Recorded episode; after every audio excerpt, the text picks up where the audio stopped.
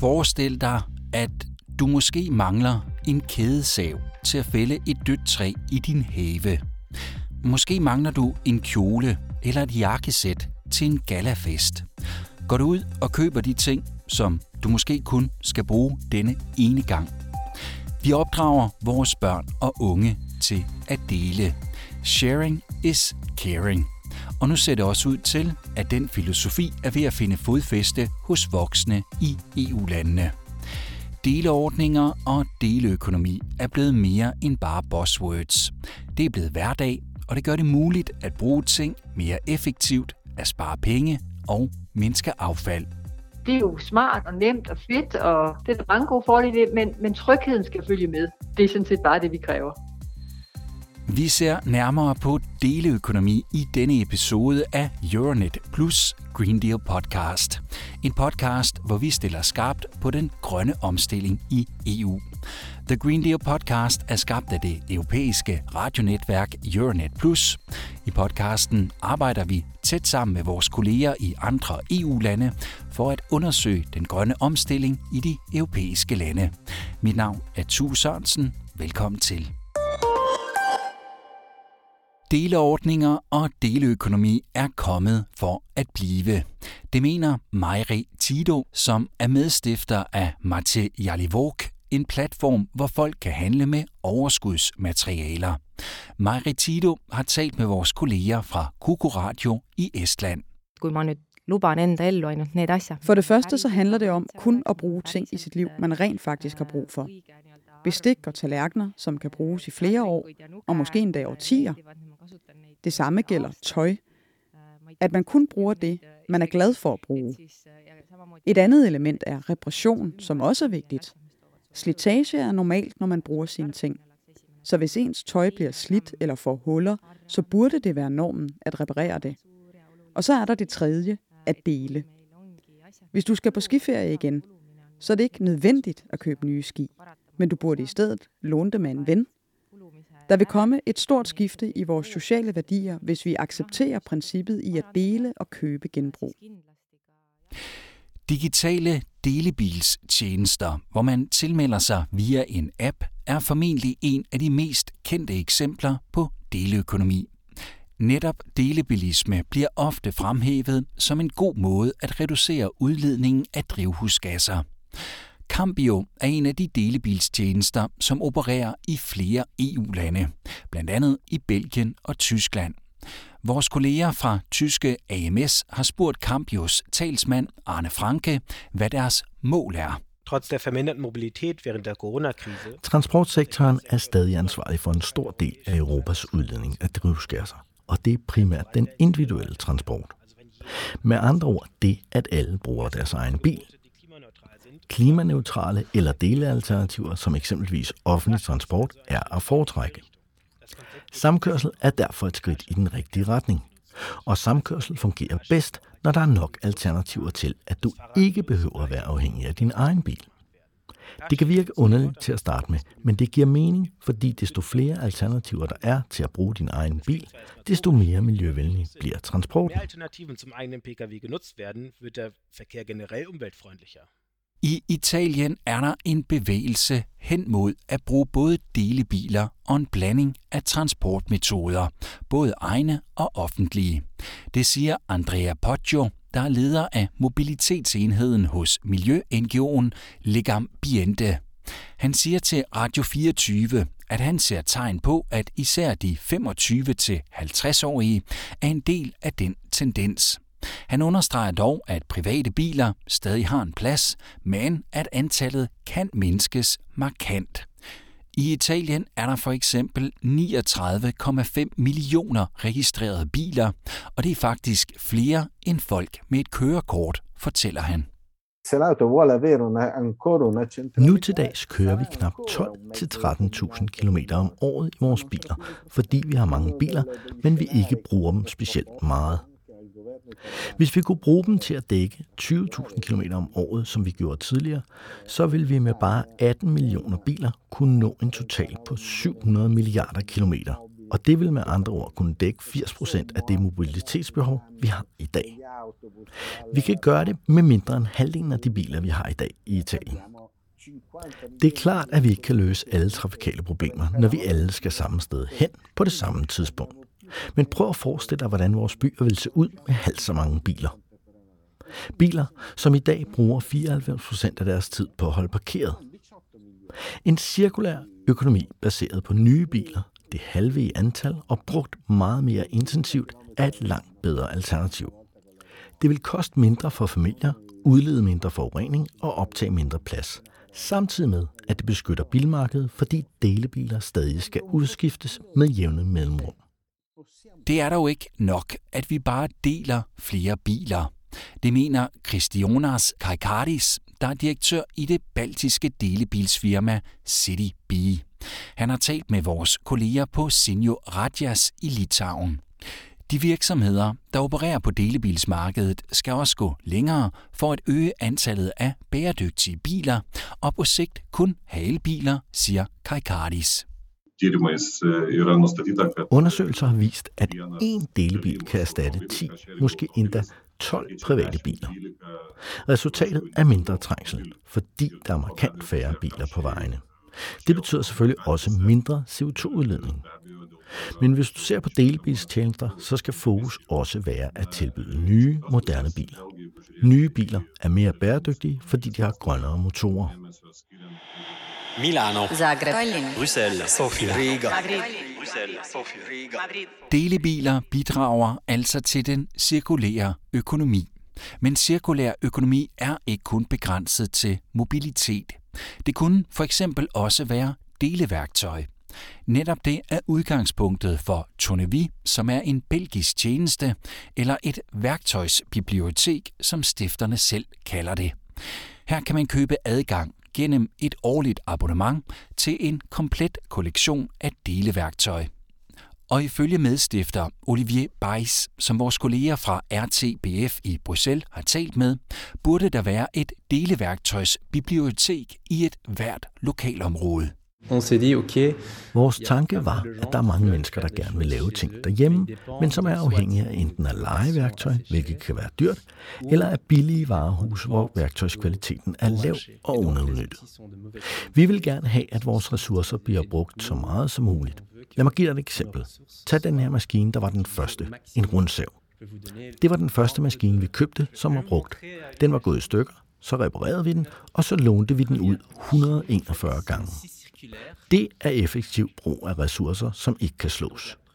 I kommersielle udlejningsvirksomheder bliver værktøj som det her brugt 7-8 gange i gennemsnit, og så bliver det erstattet, og det er det, der gør det dyrt. Så i stedet for at tvinge folk til at købe værktøj, så ønsker vi at give dem adgang til det, de har brug for.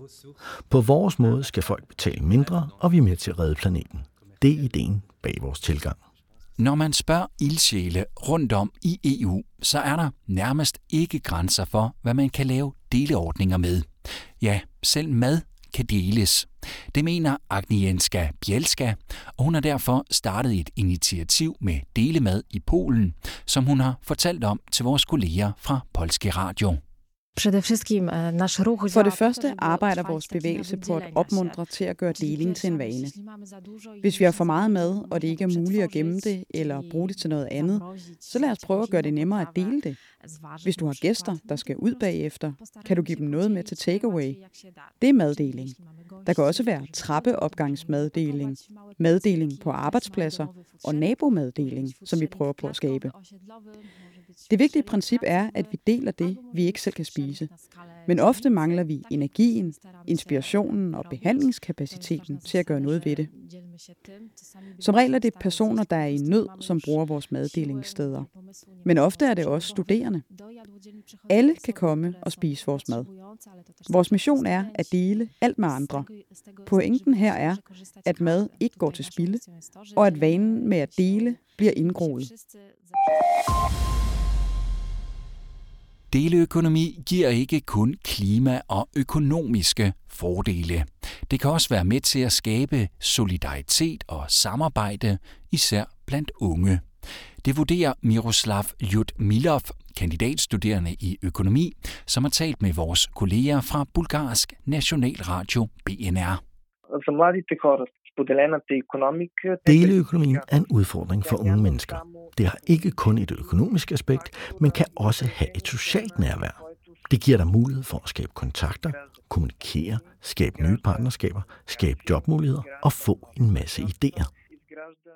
Alt det er EU også blevet opmærksom på, og unionen prøver derfor at finde flere måder, som kan være med til at motivere lignende innovative services. Det er dog en udfordring at sikre den rette beskyttelse og sikkerhed for både forbrugere og udbydere, fordi delemodellen kræver et radikalt skifte i måden, vi tænker på både juridisk og økonomisk. Derfor er der stadig en del forhindringer, som især forbrugerne står overfor, siger advokat Paulo Fonseca fra den portugisiske forbrugerorganisation DECO til Radio Renascença. Der er stadig en del barriere for forbrugerne efterhånden, som delemodellen udvikler sig. Administrative barriere, barriere i forhold til adgang og hvad forbrugerne kan gøre.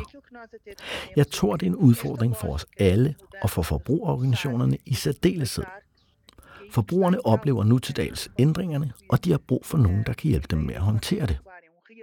Der er altså brug for, at der kommer en hurtig og sammenhængende regulering på plads i EU.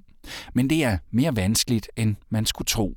Og det vil samtidig sætte farten på forandringerne ned, mener Veselin Iljev, som er ansvarlig for internationalt økonomisk samarbejde i Bulgariens handelskammer. Faktisk er årsagen til den blomstrende deleøkonomi manglen på regulering. Europa er på ingen måde førende på det her felt. De førende lande er i Asien. Reglerne er få, og der er langt imellem, hvilket gør processen appellerende. Men på den anden side, så har sektoren brug for regulering. I Slovenien har juridisk ekspert Janja Hojnik lavet en række undersøgelser om deleøkonomi. Hun fortæller vores kolleger fra RTV Slo, at for mindre lande, som for eksempel Slovenien, er regulering på EU-niveau afgørende. Nogle af de største platforme i verden har været i Slovenien, hvilket har skabt lovgivningsmæssige udfordringer. Fordi vi er et lille EU-land, så er udfordringen så meget større. Det er svært at komme i dialog, og derfor er der behov for en fælles europæisk tilgang på området. Hvis Europakommissionen, parlamentet og rådet tager fat i det, vil det være lettere at få samtalepartnere.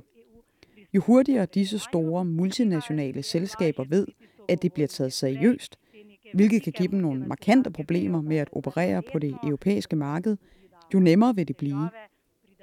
På den anden side, så skal EU-institutionerne konstant retfærdiggøre, hvorfor de skal regulere. Medlemslandene opgiver ikke deres magt uden videre. Det har vi for eksempel set med taxetjenester, som ikke kun er reguleret på national plan, men også på kommunalt niveau.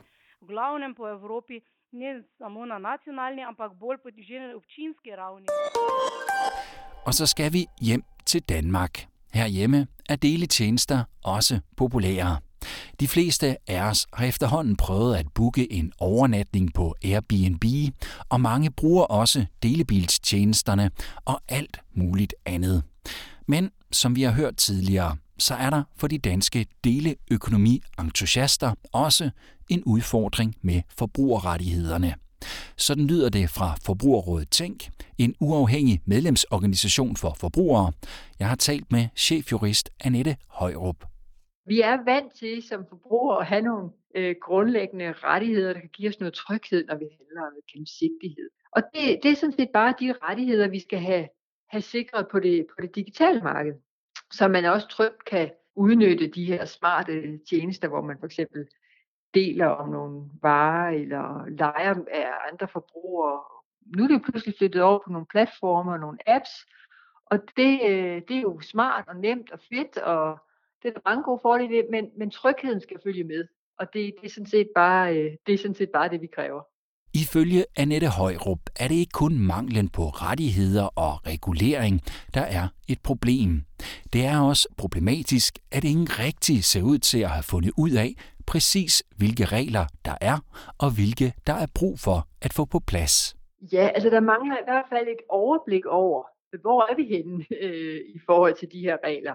Altså, hvad er det præcis, der gælder? Fordi der skal nok være nogle traditionelle, lidt ældre lovgivninger, som, som også gælder på, på det digitale marked. Men det er de færreste, der har overblikket, og forbrugerne kan i hvert fald ikke læse sig til det, når de så agerer med de her tjenester i dag. Øh, og jeg tror også, der er brug for noget specifik lovgivning. Det, det kommer vi ikke udenom. Men øh, indtil videre kunne det være fedt, i det mindste med et overblik, så man er sikker på, øh, hvordan er forbrugeren egentlig beskyttet nok.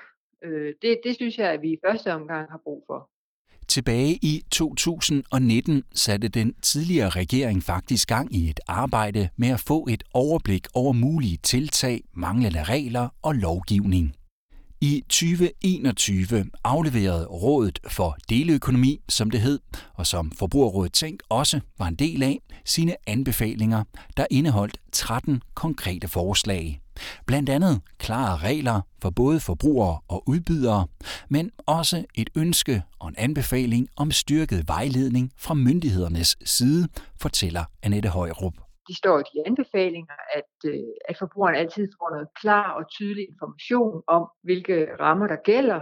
Øh, det kan være noget viden om, at hvor skal man klage hen, øh, hvad gør man, hvis aftalen ikke lever op til det, man kan forvente.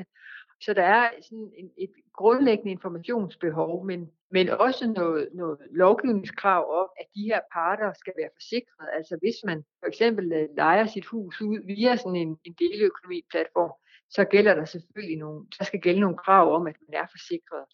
Øh, så det er, det er primært sådan nogle anbefalinger, der ligger også i forhold til, at myndighederne skal også være vakse på det her område og større for, at, øh, at der er nogle regler, som også bliver overholdt og ført tilsyn med, med hele deleøkonomiområdet. Hvad er der så sket med de anbefalinger? Det er sikkert det spørgsmål, du stiller dig selv. Og det samme gør chefjurist Annette Højrup fra Forbrugerrådet Tænk faktisk også.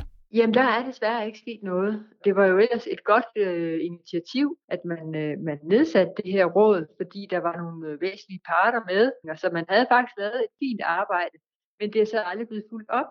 Og man kan sige, øh, siden det her arbejde blev lavet, der er de her deleøkonomi-løsninger jo kun blevet mere og mere populære. Derfor er der jo et stort behov for, at vi får øh, afsluttet arbejdet og forsikret, at de regler, der mangler, at de bliver, øh, de bliver lavet fra, fra regeringens side, eller eller på, på EU-niveau. Det, det er ærgerligt, at arbejdet sluttede uden ligesom at blive fuldt helt til dørs. Og det er lidt svært at forstå, hvorfor egentlig. Øh, man kunne godt have lavet nogle nationale dansk initiativ på den her baggrund. Man behøver ikke altid at vente på EU.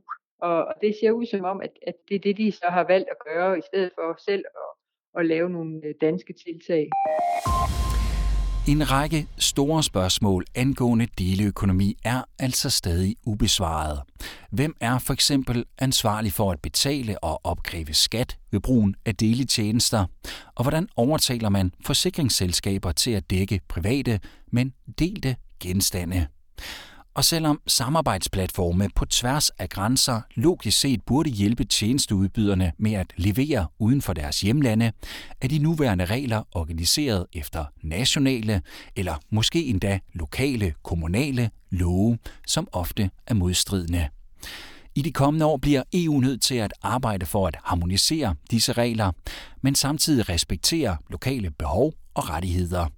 Desuden vil arbejdere inden for deleøkonomi have behov for øget beskyttelse, ligesom de digitale platformes rolle og ansvar skal afklares. Slut på denne episode af The Green Deal. Podcasten er produceret af Podpeople for Euronet Plus. Hermione Donsel er redaktør. Nikolaj Tvinge har tilrettelagt. Og mit navn er Tue Sørensen.